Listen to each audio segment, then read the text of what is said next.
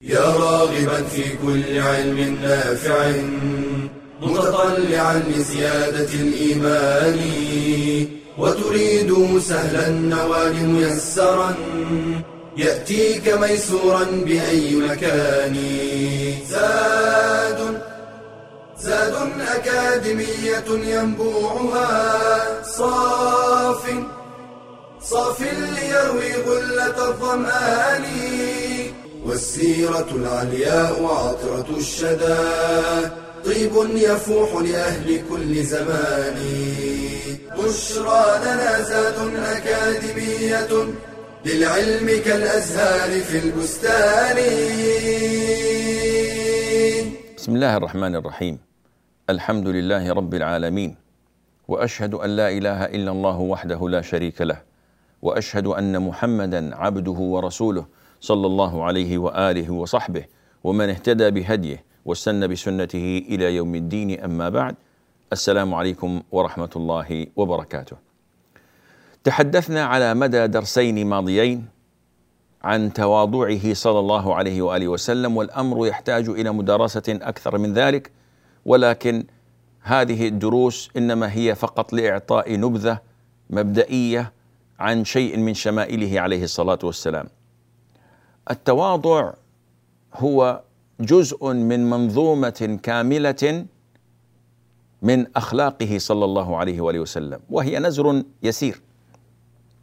ولو ذهبنا نتحدث عن أخلاق النبي عليه الصلاة والسلام لما وسعنا المقام.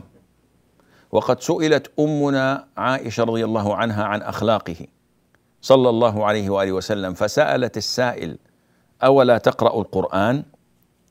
فإن خلق نبي الله صلى الله عليه وآله وسلم كان القرآن. وقد تقدم معنا قول الله عز وجل فبما رحمة من الله لنت لهم.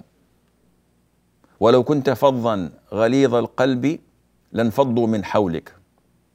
وهذا الأمر إنما هو من رحمة الله عز وجل بنبيه عليه الصلاة والسلام وبأمته بأبي هو وأمي. كل رسول أعطاه الله عز وجل معجزة خالدة. لكن هذه المعجزة ما يستطيع أحد أن يظهرها ولم يرها منا أحد.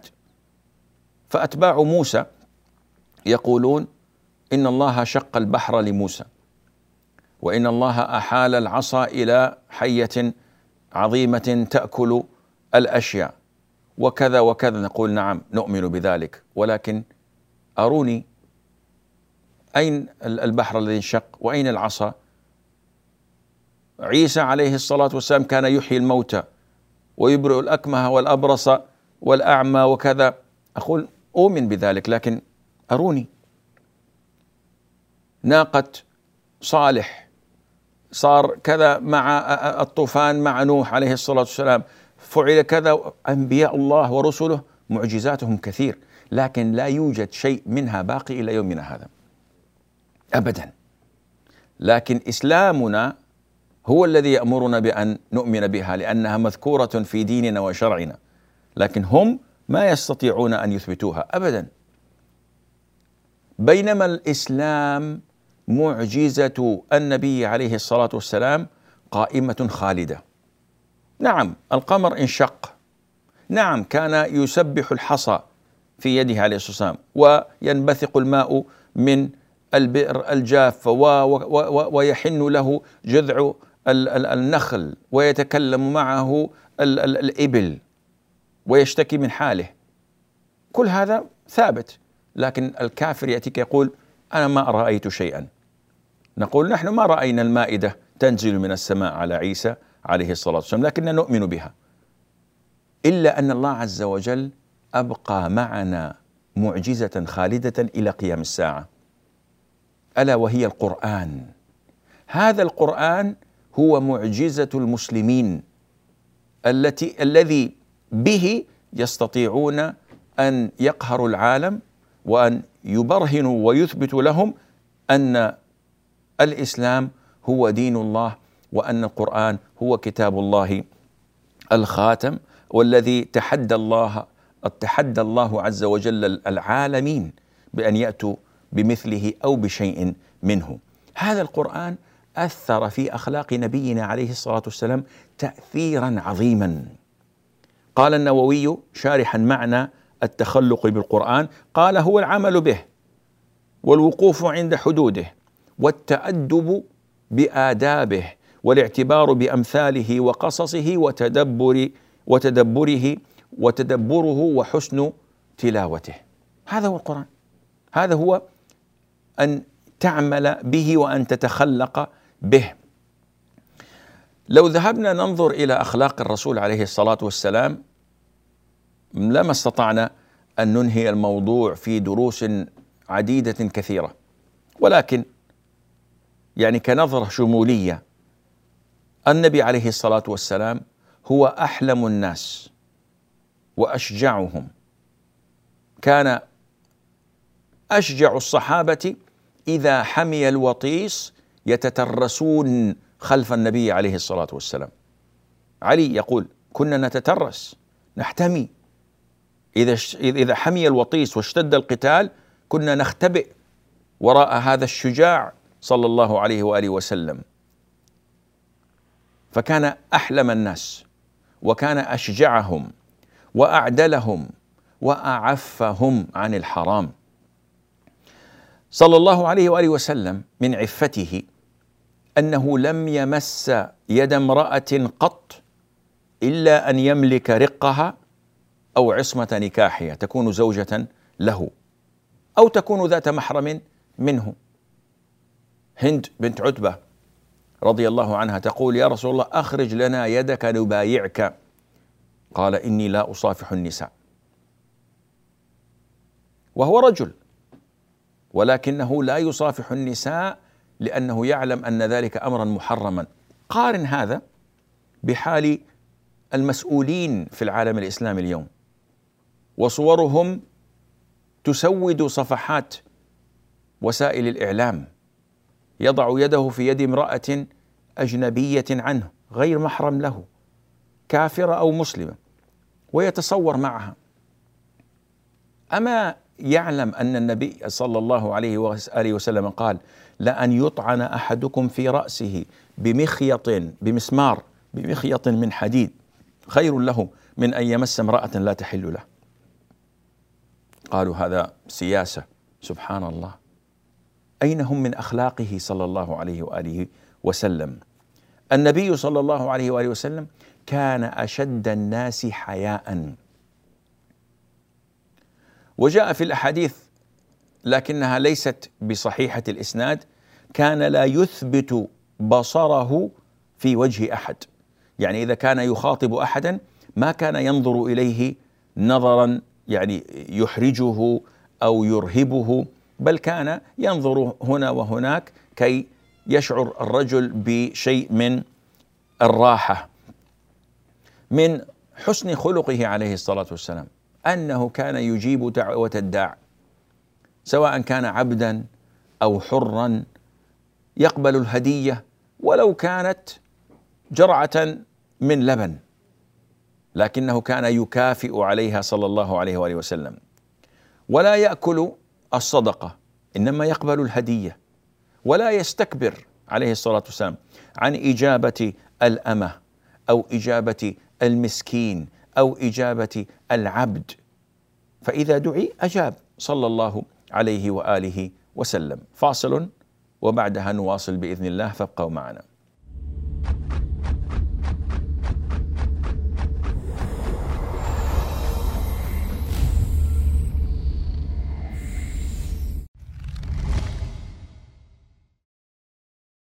لقد شرع الله الدين للناس رجالا ونساء ووعد الجميع الجنة والحياة الطيبة إذا قام بواجبه. فقال تعالى من عمل صالحا من ذكر أو أنثى وهو مؤمن فلنحيينه حياة طيبة ولنجزينهم أجرهم بأحسن ما كانوا يعملون. وقد جاء الإسلام فأكرم المرأة وحملها مع الرجل مسؤولية النهوض بالمجتمع وحسن الرعاية له فقال عليه الصلاة والسلام كلكم راع وكلكم مسؤول عن رعيته وقد شغلت المرأة في العهد النبوي وما بعده مكانا رفيعا بمشاركاتها العلمية والاجتماعية والتربوية وتصدر اسمها في قائمة المساهمين في بناء المجتمع وصياغة هوية الأمة والمحافظة على ثوابت الدين. ولا زال التاريخ يذكر أم المؤمنين خديجة وأم المؤمنين عائشة ونسيبة بنت كعب وأم حرام بنت ملحان وحفصة بنت سيرين وفاطمة بنت عبد الملك وزبيدة بنت جعفر وغيرهن رضي الله عنهن ورحمهن. ومن هنا كان للمرأة المسلمة دورها المهم والخطير في صياغة المجتمع مما أكسبها قيمة واعتبارا واحتراما لا مثيل له في المجتمعات الأخرى كما اعترف بذلك المنصفون من الغربيين. وبأنهم إنما تعلموا احترام المرأة من مسلمي الأندلس يقول المفكر الفرنسي مارسيل بويزارد. إن الشعراء من المسلمين هم الذين علموا مسيحي أوروبا عبر اسبانيا احترام المرأة. فللمرأة على ثغر الحياة الزوجية أثر خطير وفي التربية على الدين والخلق دور كبير وفي التعليم والدعوة والطب والرعاية مكانة ومسؤوليات. وقيام المرأة المسلمة بهذا وغيره له أثره الإيجابي في إصلاح المجتمع كله أسرا وأفرادا. وصدق عليه الصلاة والسلام حين قال إنما النساء شقائق الرجال.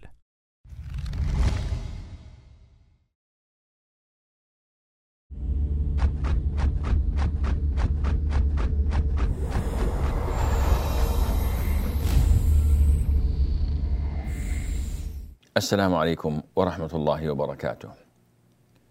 إن من تواضع النبي صلى الله عليه وآله وسلم وحسن خلقه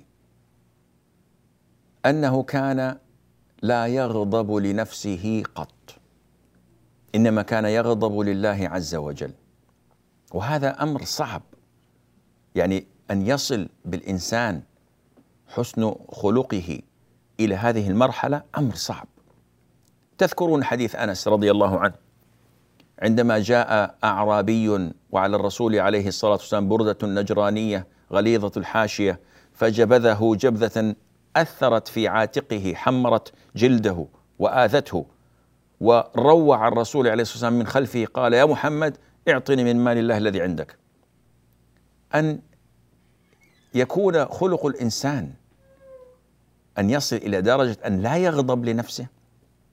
بل يبتسم ويأمر له بعطاء. هذه يعني مرحلة ما يلقاها إلا الأنبياء أو من كان على شاكلتهم. كان صلى الله عليه وآله وسلم ينفذ الحق لأن الحق أحق أن يتبع. ولو كان ذلك فيه جلب للضرر عليه وعلى أصحابه الحق لابد أن يقال. ما ضرب بيده عليه الصلاة والسلام امرأة ولا طفلا ولا عبدا كان يعصب على بطنه الحجر من شدة الجوع وهو رسول الله. يعني لو أراد لطلب من أصحابه أن يطعموه ولما تاخر أحد منهم. لكن حسن الخلق وعفة النفس كانت تلزمه أن يربط على بطنه الحجر صلى الله عليه وآله وسلم. ولذلك بعض الإخوة أشكل عليه أن النبي صلى الله عليه وسلم مات ودرعه مرهونة في صاع من شعير عند يهودي. قال كيف يرهن درعه عند يهودي وأصحابه متوافرون منتشرون كثيرون بل ومنهم الأثرياء.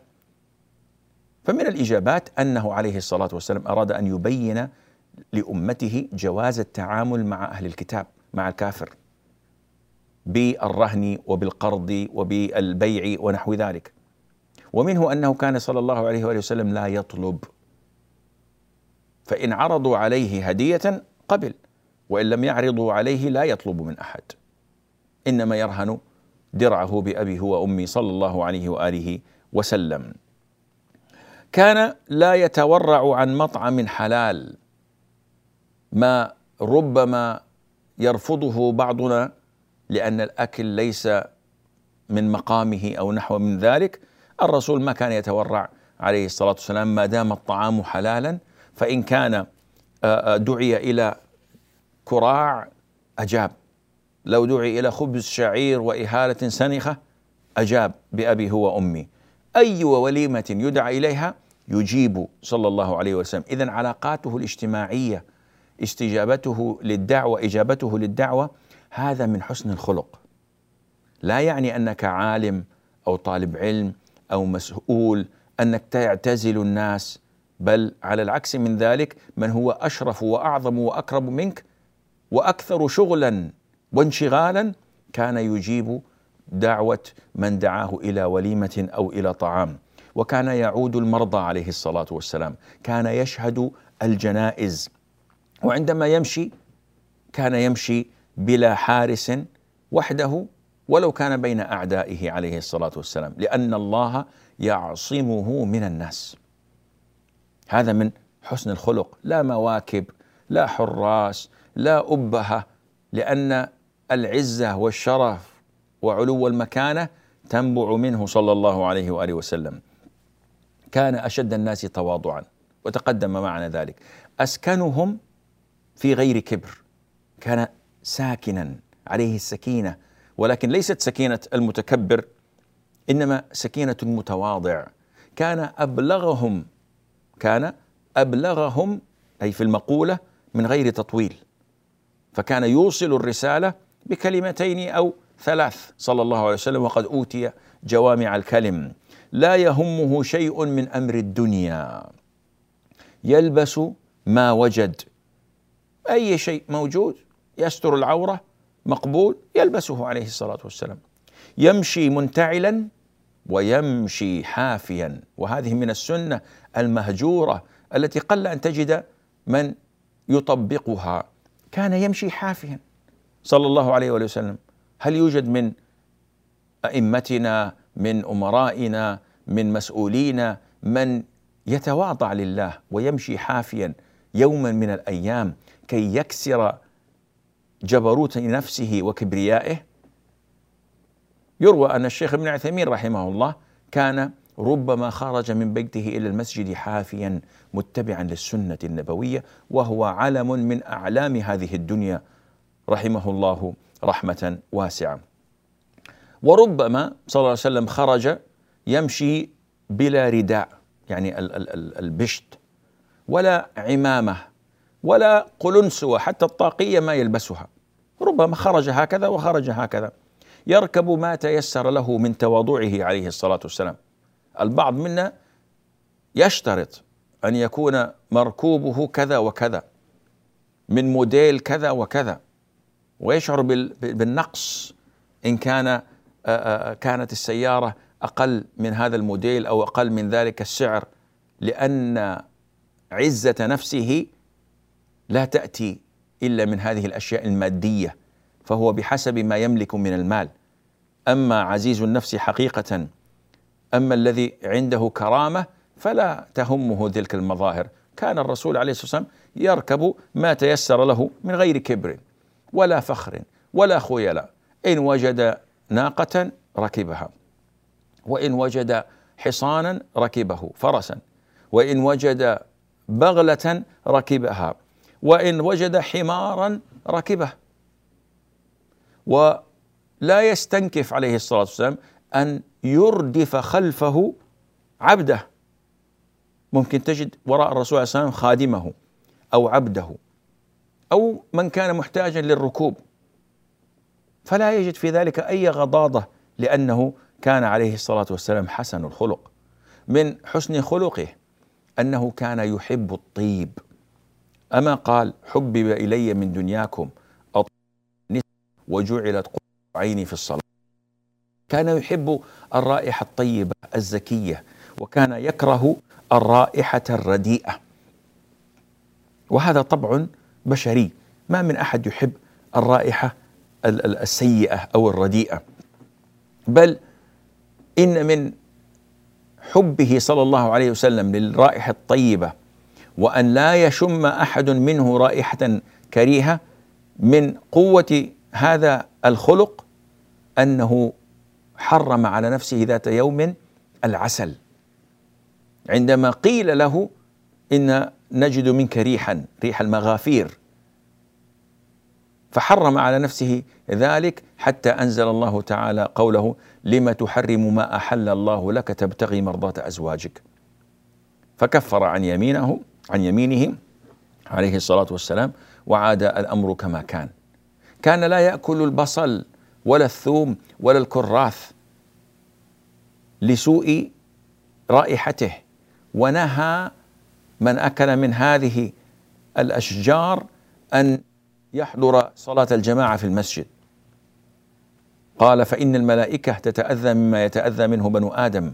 إذا دين الإسلام دين نظافة.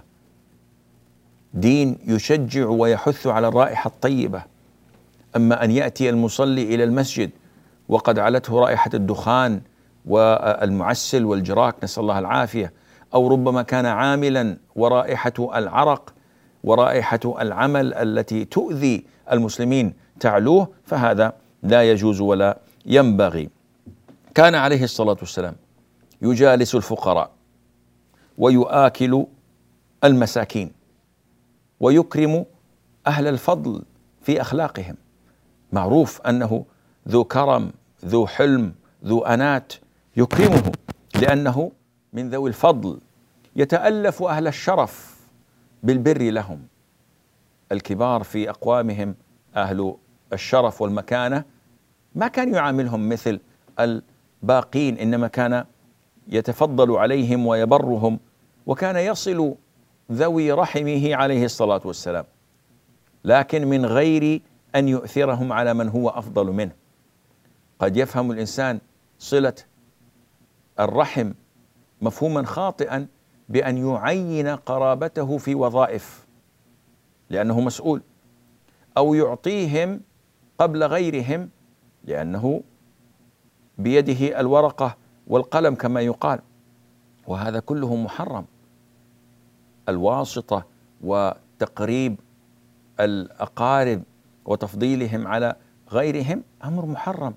لكنه عليه الصلاة والسلام كان يصل رحمه ويحسن إليهم بدون تفضيلهم عمن سواهم. فاصل قصير وبعدها نواصل.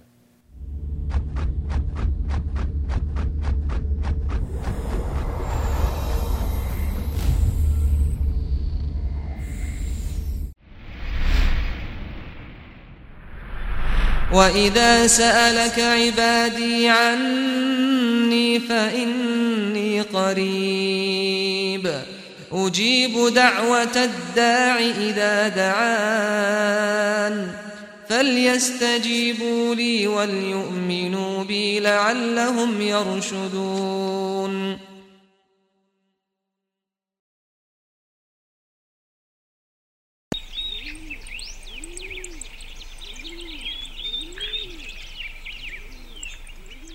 قال ابن القيم رحمه الله تعالى السنة تفسر الكتاب وتبينه والذي يشهد الله ورسوله به أنه لم تات سنة صحيحة واحدة عن رسول الله صلى الله عليه وسلم تناقض كتاب الله وتخالفه البتة كيف؟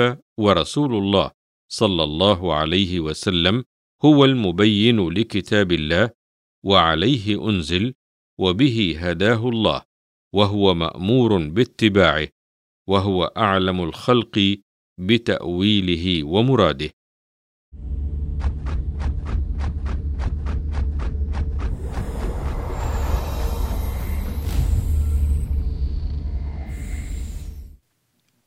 السلام عليكم ورحمة الله.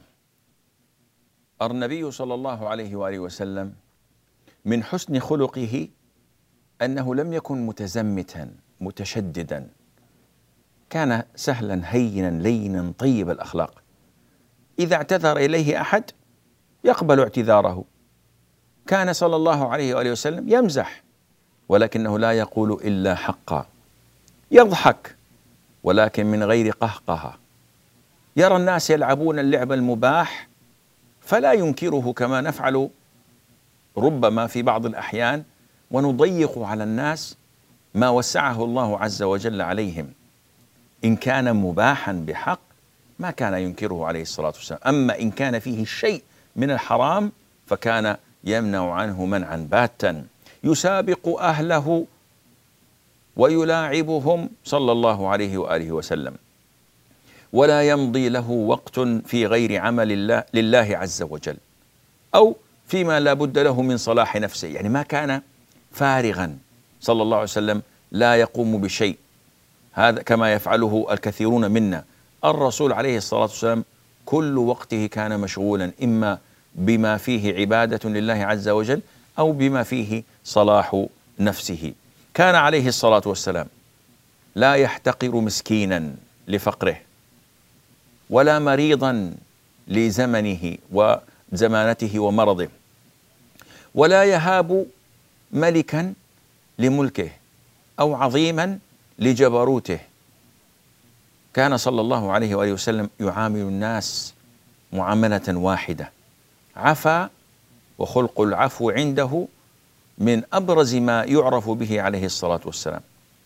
عفا عمن قتل عمه. عفى عن وحشي بن حرب. عفى عمن أجبره على ترك بيته وبلده التي يحب ويهاجر إلى المدينة وقتل أصحابه وحاربه وسعى في أذيته وقتله عليه الصلاة والسلام. عفى عنهم كلهم وقال اذهبوا فأنتم الطلقاء. بل وكان يحض أصحابه على ذلك.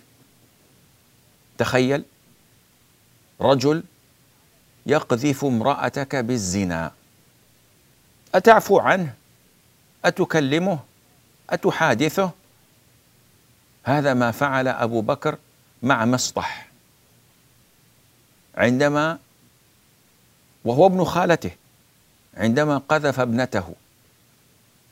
وكان أبو بكر ينفق على مسطح إذ كان من فقراء المهاجرين وكان ابن خالته من أهل الصفة. فكان يدفع له مبلغا يقتات منه. فلما وقع في الفتنة واستزله الشيطان رضي الله عنه وأرضاه فقذف أمنا عائشة التي هي ابنة ابن خالته وزوجة نبيه عليه الصلاة والسلام. حلف وآلى على نفسه. أبو بكر أن لا ينفق عليه أبدا. فأنزل الله تعالى قوله ولا يأتل أولو الفضل منكم والسعة. أي لا يحلف أولو الفضل منكم والسعة المال أن يؤتوا أولي القربى والمساكين والمهاجرين في سبيل الله وليعفوا وليصفحوا. ألا تحبون أن يغفر الله لكم والله غفور رحيم؟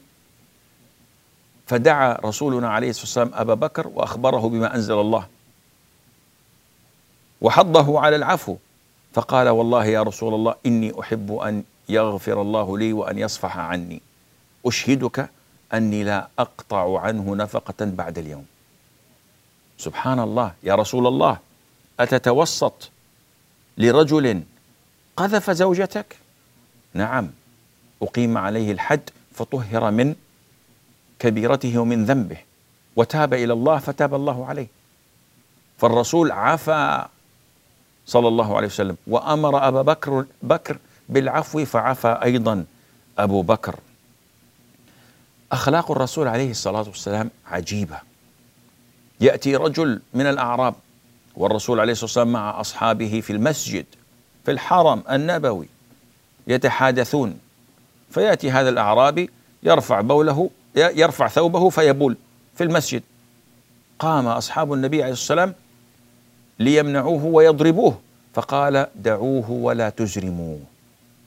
انظر إلى هذه الأخلاق العظيمة. نحن ربما نقوم بأشد من ذلك على أمور أتفه من ذلك بكثير. لكن النبي عليه الصلاة والسلام بحسن خلقه وبطيب أصله صلى الله عليه وسلم قال لا تجرموه. لما انقضى من حاجته أمرهم بأن يهريقوا عليها ذنوبا من ماء ودعا الرجل فكلمه ونصحه وعلمه. كان عليه الصلاة والسلام من حسن أخلاقه أنه يصبر على غيرة النساء. ولا يصبر على غيرة النساء إلا رجل عظيم الأخلاق. وقد عانى عليه الصلاة والسلام من زوجاته وغيرتهم الشيء الكثير. ولكنه كان يصبر وكان يقدر. ترسل له إحدى زوجاته جاريتها ومعها إناء فيه طعام في يوم عائشة وفي بيتها. امرأة تهديكم طعاما. عندما رأت عائشة ذلك ضربت الإناء فأسقطته وتكسر وتناثر الطعام. وهذا كان قبل أن يفرض الحجاب. وأصحاب الرسول عليه الصلاة والسلام في بيته. بالله عليكم لو أن امرأة أحدكم فعلت ذلك لا أقول بمحضر من أصحابكم بمحضر من أمك أو أبيك أو إخوانك أو إخواتك أو حتى بمفردكما. أسرع وأخف ما يوجد على اللسان أنت طالق ربما كان متعدد الطلقات مثل الكلاشنيكوف طالق طالق طالق طالق طالق 600 طلقة في الثانية. وبعد ذلك يشعر أنه أصبح رجلا. لا والله ما أنت برجل. ماذا فعل سيد الرجال عليه الصلاة والسلام؟ انظر إلى حسن الخلق. قال غارت أمكم غارت أمكم. يعني أمكم عائشة هذه أصابتها الغيرة لا, لا تخافوا كما أنتم. قام بنفسه. فلما الطعام وجمعه هذا رزق. إذا سقطت اللقمة من يد أحدكم فليلتقطها وليمط ما بها من أذى وليأكلها ولا يدعها للشيطان. انظر إلى, إلى, إلى, إلى حسن الخلق والجمال. لما الطعام وقال لعائشة إناء بإناء. يعني أنا الآن سوف آخذ من صحونك من آنيتك وأعطيها بدلا لهذا الصحن الذي أتلفتيه عقوبة لك إناء بإناء وطعام بطعام. حسن خلق عجيب. ما في ضرب ما في فرش ما في إهانة ما في سب ما في شتم ما في تعليق بالطلاق ما أبدا. بأبي هو أمي صلى الله عليه وآله وسلم. كان عفيف اللسان طيب المعشر لينا سهلا هينا. ما كان فظا ولا غليظ القلب كان عفيف اللسان ولا يستخدم البذيء من ال ال ال الأمور التي نسمعها ليل نهار. من بعض الصالحين لا أقول من المسلمين من بعض الصالحين في تعاملهم مع أبنائهم. تسمع والله من بعض المنتسب إلى الدين وإلى العلم وإلى الدعوة الفاظا مقيته بغيضة. ما تصدر من إنسان عام في الشارع. لكن هؤلاء ما تخلقوا بأخلاق الرسول عليه السلام. وما أدبهم العلم الذي تعلموه لوجود خلل فيهم. الكلام عن أخلاقه عليه الصلاة والسلام كثير ولكن الوقت قليل ولعل ما فيه ما ذكرنا يكون فيه الكفاية.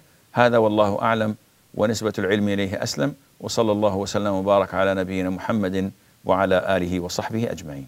يا راغبا في كل علم نافع متطلعا لزيادة الإيمان وتريد سهلا النوال ميسرا يأتيك ميسورا بأي مكان زاد زاد أكاديمية ينبوعها صاف صاف ليروي غلة الظمآن والسيرة العلياء عطرة الشدى. طيب يفوح لأهل كل زمان. بشرى لنا زاد أكاديمية للعلم كالأزهار في البستان.